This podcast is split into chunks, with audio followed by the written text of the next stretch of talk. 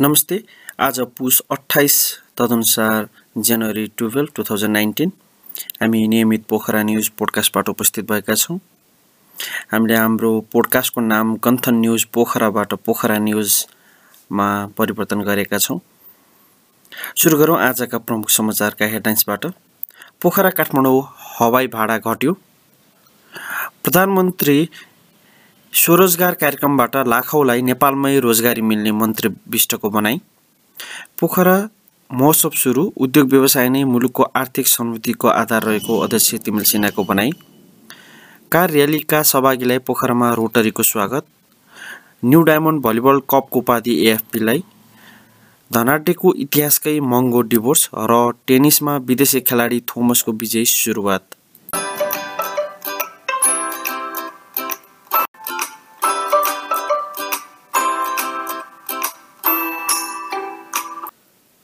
Nepal oil निगमले आन्तरिक हवाई इन्धनको मूल्य घटाएसँगै वायु सेवा सञ्चालक सङ्घले हवाई भाडा घटाएको छ।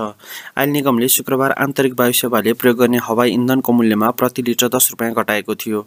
यसअघि निगमले एक सय चार रुपियाँ पचास पैसा लिटरमा आन्तरिक हवाई सेवालाई इन्धन बेच्ने गरेको थियो। माउन्टेन फ्लाइटसहित एघार आन्तरिक गन्तव्यका लागि घटेको भाडादार आइतबारदेखि लागू हुनेछ।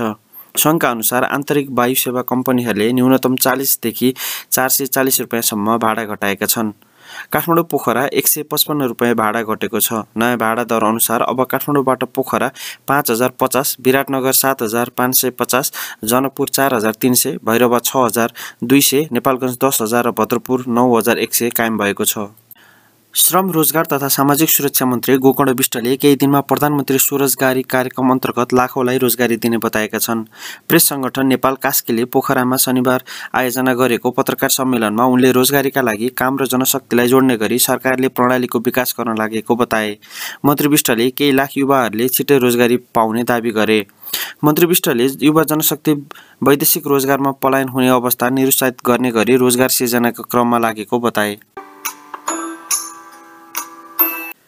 शुक्रबारबाट पोखराको अमरसिंह चौरमा नवौँ संस्करणको पोखरा महोत्सव सुरु भएको छ। नवौँ संस्करणको पोखरा महोत्सवको राष्ट्रिय सभाका अध्यक्ष गणेश तिमिल सिन्हाले उद्घाटन गरे। महोत्सवको उद्घाटन गर्दै राष्ट्रिय सभा अध्यक्ष तिमिल सिन्हाले युवाहरू वैदेशिक रोजगारमा जानुभन्दा मुलुकमै उद्योग व्यवसाय गर्नतर्फ लाग्नुपर्नेमा जोड दिए। गण्डकी प्रदेश सम्भावना बोकेको प्रदेश भएकाले यहाँका युवाहरूले श्रमिकको रूपमा वैदेशिक रोजगारमा जानुभन्दा पनि आफ्नो प्रदेशमा उद्योगमा लगानी गरू आ लगानी गरी आफू उद्यमी बन्दै अन्यलाई पनि रोजगारी दिन अगाडि बढ्न आग्रह गरे। पूर्व स्वास्थ्य मन्त्री तथा प्रतिनिधि सभा सदस्य खगराज अधिकारीले महोत्सवकै आयोजना गरी चिडियाखाना निर्माण सुरु भएको र यो अभियान तीव्र रूपमा अगाडि बढिरहँदा गण्डकी प्रदेशकै गौरवको योजना भएको बताए। त्यस्तै प्रकृति संरक्षण कोषका पूर्व सचिवले पोखरामा बन्ने जुलोजिकल पार्क नेपालकै खुल्ला चिडियाखानामा अवध चिडियाखाना अवधारण निर्माण हुने भएकाले जीवजन्तुको संरक्षणमा ठुलो टेवा पुग्ने बताए।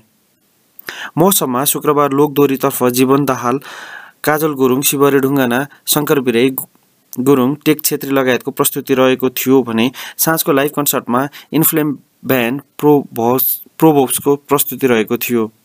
यस्तै गरी मौसमको दोस्रो दिन शनिबार लोकदोरीतर्फ रामजी खाँड प्रजापति पराजुली शिवहरी ढुङ्गाना ईश्वर सिंह टेक छेत्री लगायतको प्रस्तुति रह्यो।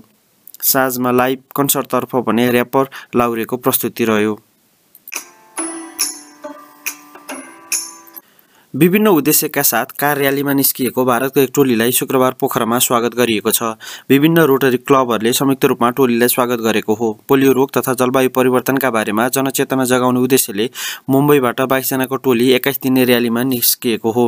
भुटानका विभिन्न स्थानको भ्रमण पश्चात नेपाल छिरेको टोली धनगढी बुटो लुम्बिनी हुँदै शुक्रबार पोखरा आइपुगेको थियो। स्वागत कार्यक्रममा बोल्दै टोली प्रमुख सुबोध जोशीले यो भ्रमण अन्तर्राष्ट्रिय सम्बन्ध कायम गर्न पनि सफल भएको दावी गरे।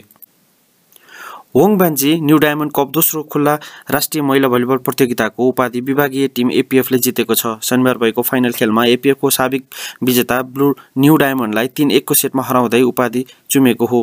च्याम्पियन भएको एएफपीले एएफपीले तिन लाख एक हजार रुपियाँ प्राप्त गर्यो भने न्यू डायमन्डले दुई लाख एक हजारमा चित्त बुझाउनु पर्यो। संसारकै धनाढ्य एक जोडीको वैवाहिक सम्बन्धले बिट मार्न लागेको खबरले हल्लीचल्ली छ। धनाढ्य जेफ बेजोसको म्याक केन्जीसँगको पच्चिस वर्षीय विवाह सम् वैवाहिक सम्बन्ध टुङ्ग्याउने निर्णयले विश्वकै महँगो डिभोर्सको रूपमा चर्चा लिएको छ। अमेजन डट कमका सिइओ तथा संस्थापक जेफले बुधबार ट्विटर मार्फत डिभोर्सको निर्णय लिन लागेको सार्वजनिक गरेका थिए। वासिङटन राज्यको साझा सम्पत्ति सम्बन्धी कानुन अनुसार डिभोर्सपछि बेजो बेजोस दम्पतिको दम्पतिको सम्पत्ति दुई भाग लाग्नेछ।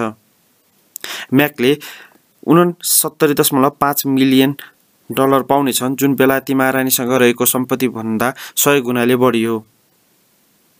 सम्पत्ति भाग बन्डाको असर बेजोसलाई भने महँगो पर्नेछ। उनी संसारका धनाढ्यहरूको सूचीमा पहिलो स्थानबाट झरेर चौथो स्थानमा पुग्न सक्छन्। उनीहरूको सम्पत्तिको भागभन्डा औपचारिक रूपमा भइसकेको छैन। लामा ब्रदर्सले पोखरा पोखरामा आयोजना गरेको गुरुङ भिलेज टेनिस कोर्टमा जारी Lhochhar cup Pokhara open tennis प्रतियोगितामा विदेशी खेलाडी थोमसले विजयी सुरुवात गरेका छन्। जर्मनी खेलाडी थोमसले पोखराका राजेन्द्र घिमिरेलाई छ एक छ एकको जित दर्ता गराउँदै प्रतियोगितामा आफ्नो बलियो दाविदारी समेत प्रस्तुत गरेका छन्।